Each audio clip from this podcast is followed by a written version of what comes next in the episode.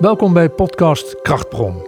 Een podcast waarin wij, geestelijk verzorgers uit het Radboud UMC, mensen aan het woord laten over hun levensverhaal en wat daarin voor hen van waarde is.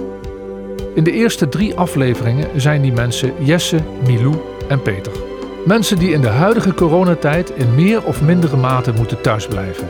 En die, al dealend met wat er nu op hen afkomt, gewoon proberen hun leven te leven. In deze aflevering spreken we voor het laatst met Peter, Milou en Jesse, die we de vorige twee afleveringen hebben leren kennen. Inmiddels zijn er verschillende versoepelingen aangebracht in de coronacarantaine en verschuift de leefruimte heel langzaam van je eigen muren naar de buitenwereld. Wat hebben Jesse, Peter en Milou nou meegenomen uit hun tijd in quarantaine? Zijn zij tot nieuw inzicht gekomen? We gaan het horen. Dit is aflevering 3. Inzicht in zicht. En ben je nou al op iets gekomen waarvan je denkt: wow, dit inzicht, dit had ik anders nooit gehad. Dit is wat ik vroeg aan Peter in ons vorige gesprek. Peter gaf toen aan dat hij nu meer stilstaat bij dingen die normaal gesproken vanzelfsprekend zijn. Maar is hij ook tot een inzicht gekomen? Deze paar weken leef ik heel erg in het moment of zo. Ja, ja, herken ik wel. Ja? Ja, ja. Omdat je op de lange termijn ook zo weinig zekerheid hebt. De zekerheid die je hebt, die, als er die al is, dan heb je die voor jezelf in het hier en nu. Ja. Van nu is het op dit moment goed. En hoe het morgen is, dat weten we niet. Nee. E- eigenlijk wel gek, hè? Dat eh, je je daar nu eh, zo bewust van bent. Want? Voor, voor corona was, het, was dat natuurlijk ook niet anders. Weet, je, weet, jij veel wat er morgen gebeurt? Dus eigenlijk is alles gewoon hetzelfde. Ja, als je het zo bekijkt wel. Maar eh, ja, je bent je er nu wel meer bewust van. En daar, daar ben ik de afgelopen week wel over aan het nadenken. Van, goh, hoe ma wat maakt dan nu dat je er in, in, in- de coronatijd, dat je makkelijker in het nu bent en dat je ook eigenlijk niet verder kijkt dan morgen. Terwijl je eh, voor, voordat je, eh, eh, voordat het coronatijdperk aanbrak, ma maakte ik en iedereen denk ik wel, soms plannen voor over een jaar. En die, die, die maak je nu nog steeds. Maar het is allemaal wel met een slag om de arm. Mhm. Ja. Dus dat is eigenlijk de grootste les die we hieruit mogen halen. Ik denk het wel, van leef bij het moment. Ja. Thanks. Ja, nou, eh, graag gedaan. Komt er nog iets bij je op? Wil je nog iets kwijt? Nou, wat is voor jou de grootste les die je hier dan uithaalt? Ehm, wat jij net zegt, hè, van eigenlijk is het altijd de zaak om in het hier en nu te leven. Dat kan je altijd doen, die keuze kun je altijd maken. Alleen nu worden we daar denk ik meer toe gezet. Eh, het geeft mij best wel een idee van vrijheid. Van wow, ik kan altijd kiezen om in het hier en nu te leven. En nu lukt het me best goed, omdat het moet. Waarom kan ik dan niet altijd die vrijheid nemen? Ja. Ja, En eh, die, die vraag waarom het niet altijd lukt, en, mm, die heb ik nog niet beantwoord voor mezelf. ik ook niet. Nee, Ik ook jij niet. ook? In deze tijd van corona en alle maatregelen die er genomen worden, kunnen we misschien ook wel eens nadenken wat we meenemen uit deze tijd, als straks misschien de corona weer op een lager pitje staat en het leven zijn gang neemt. En daar moest ik denken aan een verhaal van een expeditie die bestond uit een rijke zakenman en zes dragers en die zich in een onherbergzame streek bevonden op zoek naar een verloren stad. De gedachte aan fortuin zorgde ervoor dat hij zijn dragers zo goed als geen rust gunde. Want, zo zei de zakenman, tijd om uit te rusten is verloren tijd. Stel je toch eens voor dat iemand hem voor zou zijn en aan de haal zou gaan met de rijkdommen die er misschien wel lagen. Zo ging het een paar dagen. Tot op zekere morgen.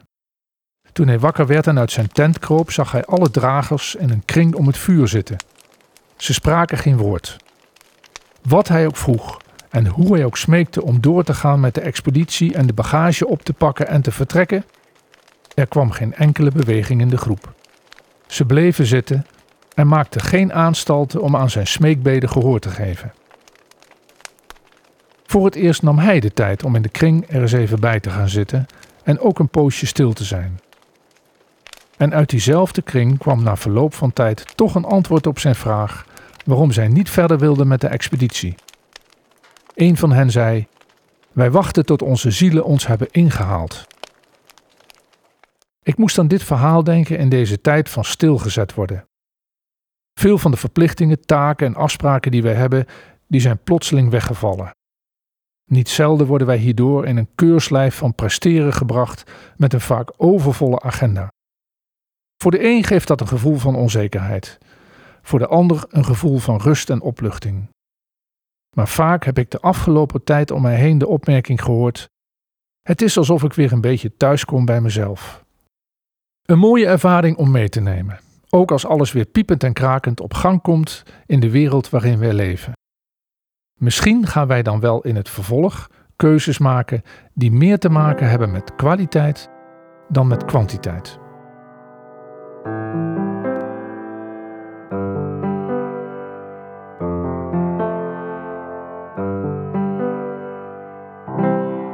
Je weet nog wel, Milou, de vrouw die nu lekker gaat. De kracht van voorouders door haar aderen voelt stromen als het even minder gaat. Milou die zegt: Je staat niet compleet machteloos tegenover de gegeven situatie. Daarin lijkt ze zoals Peter een keuze te maken in hoe ze zich tot het leven verhoudt en neemt ze daar ook een soort vrijheid in. En die vrijheid nemen, dat lukt Milou aardig goed. Is dat iets wat haar gegeven is, of is dat iets waar ze nu achter komt? Janiek spreekt met haar verder ik bel altijd even met mijn moeder als ik dat heb. Want die kan, weet je wel, die weet dan precies te zeggen. Ook al zegt ze helemaal niks, maar gewoon van Milou. Ik wel, je kan het, dit en dat. En ik denk dan ook altijd aan mijn, aan mijn voorouders. Ja, dat klinkt heel cliché, maar is wel zo. Want gewoon mijn opa's en oma's zijn gewoon hele sterke mensen. En ehm, dat ik denk van, ja, die hebben het ook allemaal geflikt. En dat bloed, dat zit hierin. Dus um, ik Vind kan ik vet het. mooi dat je dat zegt. Ja, ja, nou ja. Ja. Ik weet niet waarom ik ja zeg, maar... ja. En Milou zei ook tegen mij in ons vorige gesprek: Je staat niet compleet machteloos tegenover de gegeven situatie. Daarin lijkt ze zoals Peter een keuze te hebben gemaakt in hoe ze zich tot het leven verhoudt. En daarin neemt ze ook een soort vrijheid. En die vrijheid nemen, dat lukt haar aardig goed. Is dat iets wat haar gegeven is, of is dat iets waar ze nu achter komt?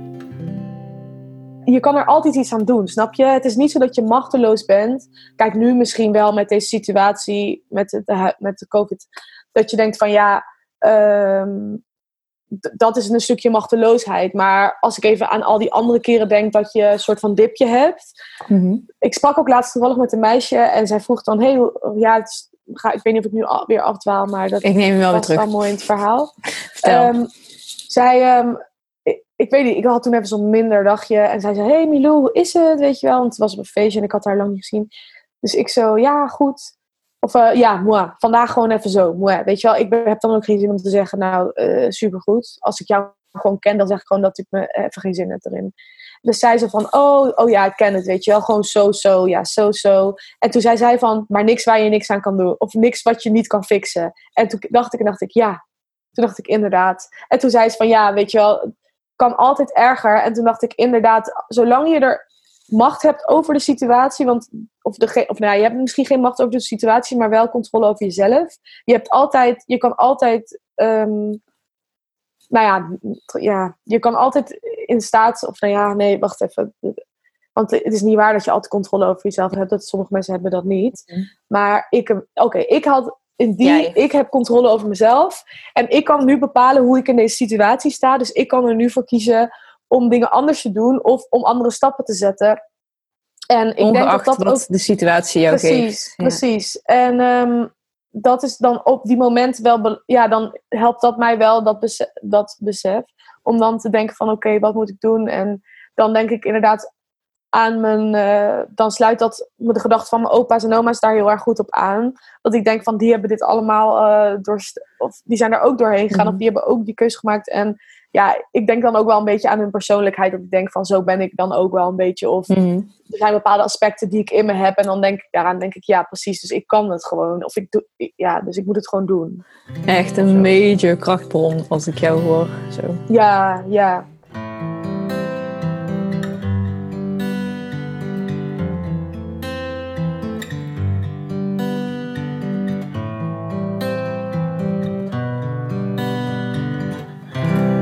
Yannick, we hebben jou in gesprek gehoord met Milou. Was er van jou ook bij dit gesprek, of misschien beter gezegd na dit gesprek, een bepaald inzicht in zicht gekomen? Milou vertelde over die vriendin die tegen haar zei: Het kan altijd erger. Mhm. En Milou dacht toen: Ja, er is niets wat je niet kan fixen. Ehm, ik heb daar een tijd geleden ook over nagedacht. Ik las toen een boek en daarin stond: We kunnen wel al het kwaad in de wereld nemen om ons eigen eh, ja, nare gevoel mee te nuanceren of eh, minder te maken. Maar dat doet alsnog niks aan je eigen situatie. Daar moet nog iets meer mee gebeuren.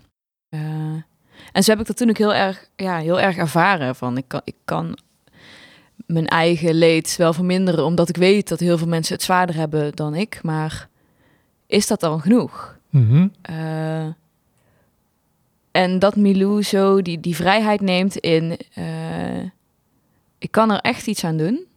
Dat is al iets meer dan een ander heeft het zwaarder dan ik. Dus ik moet niet klagen of ik moet, ik moet gewoon door. Of eh, Ja. ja.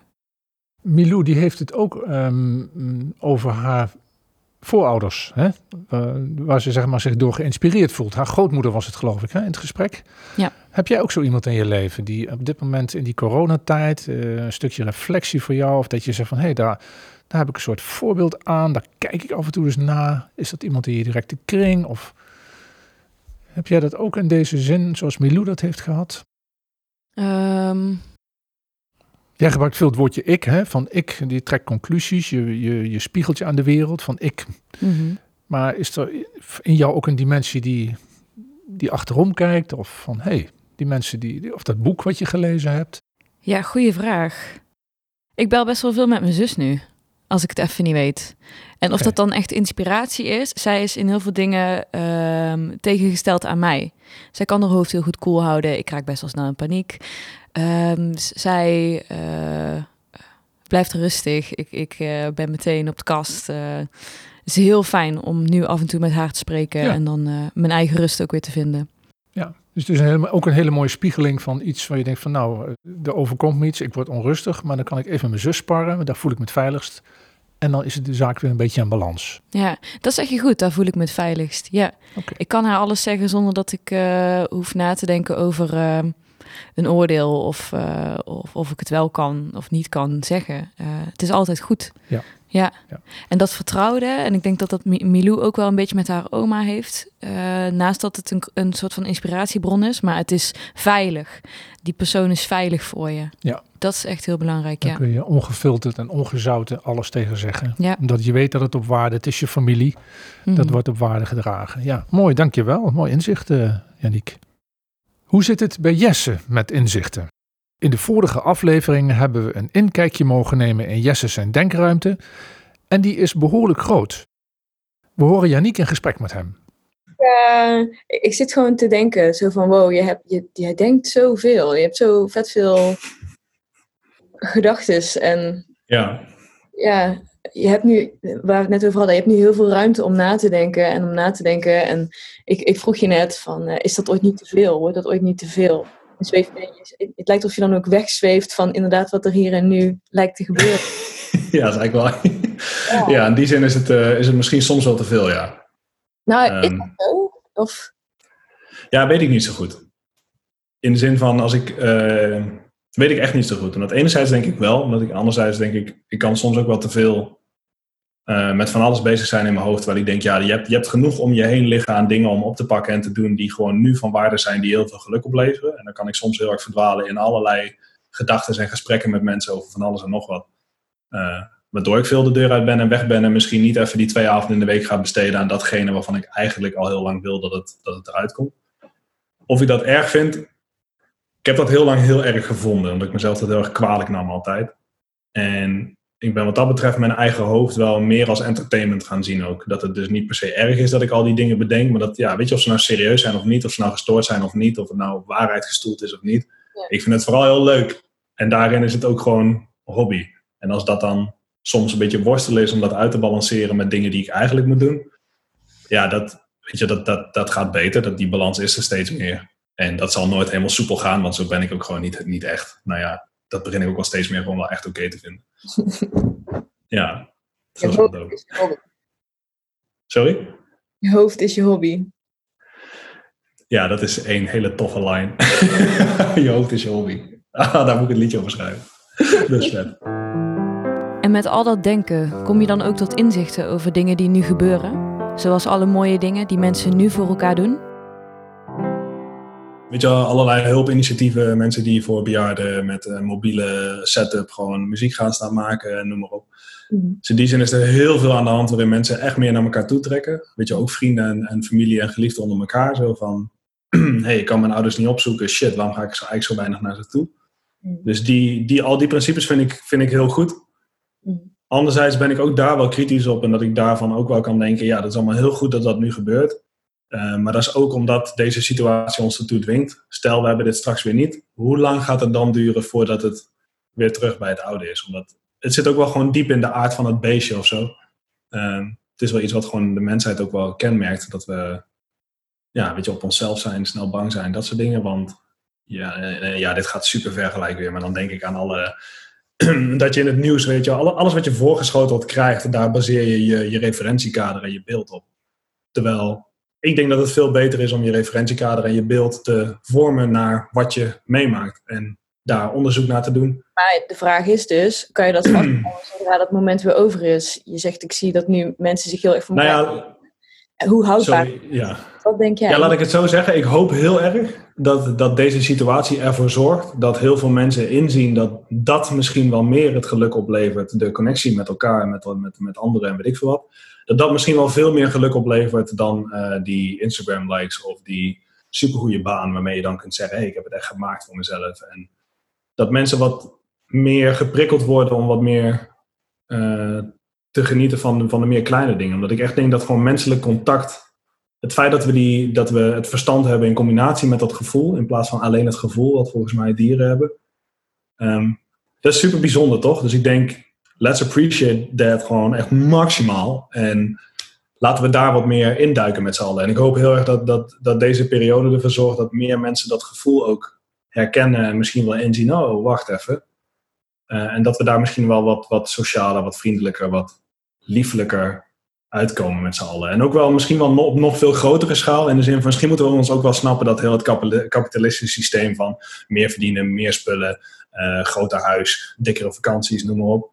Dat ja, weet je, als ik in, eh, twee weken in Frankrijk in een tentje lig met mijn vriendin voor 300 euro, dan volgens mij word ik daar precies even gelukkig van dan als we in een zieke suite in Dubai ergens met champagne op, op, op bed liggen, toch? Want we, we wennen aan dingen. Mensen wennen aan dingen. Dus Je zegt eigenlijk dat je nu een beetje, als je ervoor open staat, bij jezelf kunt nagaan, waar gaat het nou eigenlijk echt om?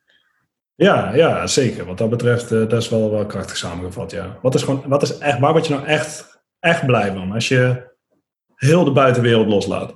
Ja. Ik denk door goed bij jezelf na te gaan ehm, wat jij wil. Dus door de buitenwereld buiten beschouwing te laten. Maar gewoon, oké, wat nou als ik gewoon echt doe wat voor mij echt goed voelt? Zonder dat mijn partner daar iets van moet vinden. Zonder dat mijn ouders daar iets van moeten vinden. Zonder dat mijn vrienden daar iets van moeten vinden, noem maar op als je dat voor jezelf uitgevogeld krijgt, dan geloof ik heel erg dat het je, dat het je daarna heel erg helpt in wel in contact staan met je omgeving en in die geluksmomenten. Mm. Want weet je, je wordt alleen maar geraakt en getriggerd door iets wat, wat, waar zeer onder zit. Dus als je tegen mij bijvoorbeeld zegt van hé, hey, je bent een racist, dan denk ik ja, kun je zeggen, ik weet niet waar je het op gebaseerd hebt, maar prima als jij dat zo ziet. Want ik weet van mezelf dat ik in ieder geval poog dat niet te zijn. En soms ben ik ook onwetend en kan ik bijleren, maar over het algemeen sta ik goed open voor dingen en vind ik het altijd interessant, omdat het altijd iets te bieden heeft wat, me, wat, me niet, eh, wat, wat ik nog niet ken. Dus dat raakt me niet. Nee, nee, als ik tegen jou zeg, je bent een egoïst. Ja, dat vind ik spannend. Je bent echt een egoïst. Ja, dat, dat vind ik heel spannend. Daar zou ik meer op triggeren. Wat doet er zeer dan? nou ja, omdat ik. ehm, om een aantal redenen eh, heel mijn leven geleefd heb met het idee van ik moet me wel een beetje gedragen zoals mensen ze van me verwachten. Want anders dan eh, gaan mensen misschien wel bij me weg. En dat is gewoon een, volgens mij een heel diep trauma wat er vanaf zulke kleine jessen al in zit. En dat wordt dan getriggerd in de zin van ik weet dat het kan egoïstisch zijn om mijn eigen keuze te maken. Maar weet je, als ik stel ik heb met iemand afgesproken en ik denk een kwartier van tevoren, hey, ik heb er helemaal geen fuck zin in eigenlijk. Ik heb er helemaal geen ruimte voor. Dan kan ik twee dingen doen. Of ik ben volgens het systeem een egoïstische lul en ik zeg van, joh, ik kom niet, want ik heb er even geen zin in. Alleen ik denk, ja, ehm, op het moment dat ik er wel heen ga, maar er dan niet echt ben emotioneel, dan gewoon maar een paar uur naast iemand zitten en een beetje oppervlakkige gesprekken voeren en dan weer naar huis gaan. Ik heb niet het idee dat, we daar, dat beide partijen daar energie uit halen. Dus dan levert zo'n zo'n ontmoeting niks op. Dan heb ik liever dat ik die persoon zeg van, hé, hey, ik vind het rot dat ik zo laat afmeld, maar ik voel me echt niet chill. Dus is het goed als ik je morgen even connect voor een ander moment. Uh, want ik heb er de ruimte gewoon even niet voor. Als die ander mij dan een egoïst vindt, dan denk ik dat er bij die andere iets zeer doet van hé, hey, iemand laat mij staan of iets in die trant. Want de vrienden van mij die er ook zo in staan, die zeggen dan hé hey, cool man, wat even goed voor je voelt, doe het, weet je wel. En dan chillen we een andere keer. Maar dat, dat voel ik zelf ook vaak. Dat is wat je wel geleerd hebt. Dat, uh, ja. ja. Ja, dat heb ik echt hard moeten leren ook. Want wat dat betreft denk ik dat iedereen een pakje bagage bij zich heeft van opvoeding, omgeving, of dat nou goed, slecht, leuk of niet leuk was. Iedereen heeft een set overlevingsdingen meegenomen in zijn hele leven, van toen je nog niet zo kon nadenken. En voelt op zijn volwassene leeftijd ergens, oké, dit vind ik wel fijn, dit vind ik niet fijn. Volgens mij kun je prima afvragen van wat draag ik nu bij me in mijn systeem wat ik niet fijn vind. En als je het niet fijn vindt, kun je twee dingen doen. Het accepteren of er iets aan willen veranderen. En die keuze kun je gewoon maken. En maar goed, dat is heel spannend en heel eng. En als je daar niet over praat, dan blijft het allemaal in je hoofd en dan wordt het allemaal heel moeilijk. Dat heb ik zelf ook heel lang gedaan. en als ik kijk wat het mij in een half jaar heeft opgeleverd van de keus maken, joh, ik heb daar geen sim meer in, ik wil gewoon daar iets aan veranderen, maakt me niet uit hoe moeilijk het is. Heeft mij zoveel opgeleverd. Dat gun ik ieder mens, man. Of je nou fucking 10 jaar oud bent of 80 jaar oud. Als je nog iets te ontdekken hebt bij jezelf wat, wat fijner is dan waar je nu zit. Ja, go fucking for it, weet je wel. Dat, uh, ja, dat, dat, dat inspireert mij. Ook Jesse heeft zelf onderzoek gedaan. Waar gaat zich dat nu op richten?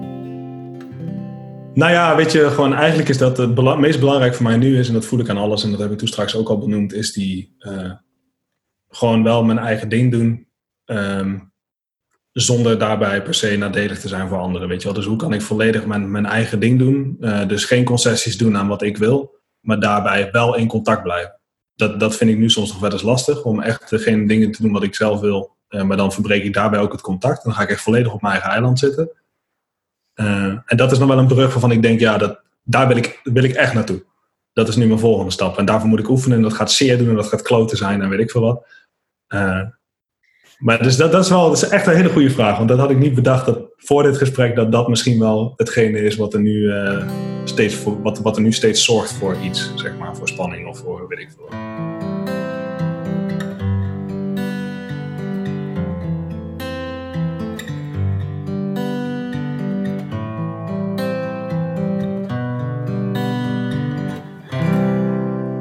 Janiek, we hoorden jou in gesprek met Jesse.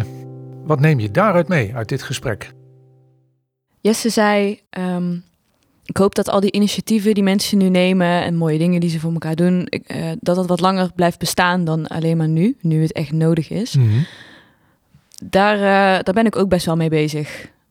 Um, hoe houdbaar is die, uh, die behulpzaamheid en dat er voor elkaar willen zijn. En uh, hoe, uh, ja, hoe kort is die elastiek van het individualisme dadelijk? Hè? Schieten we zomaar weer terug of uh, blijven we wel omzien naar de ander?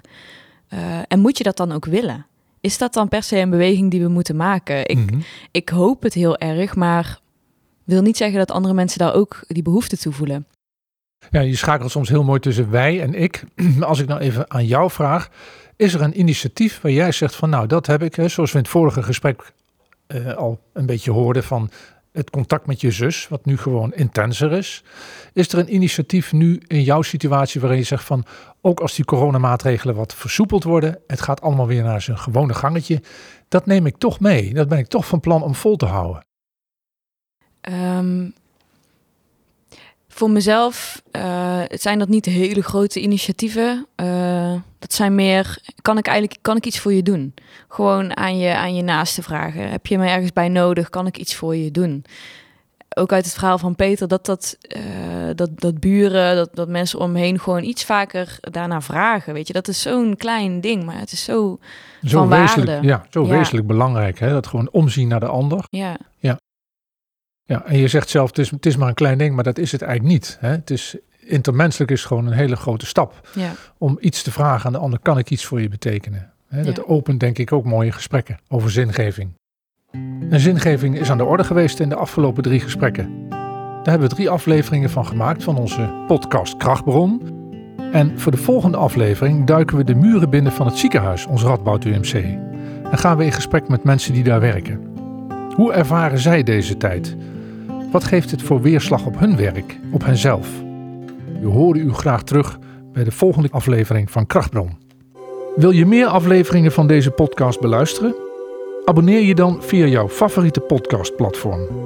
Op enker.fm krachtbron vind je een overzicht van de platforms waar we te vinden zijn. Voor nu bedankt en graag tot een volgende aflevering.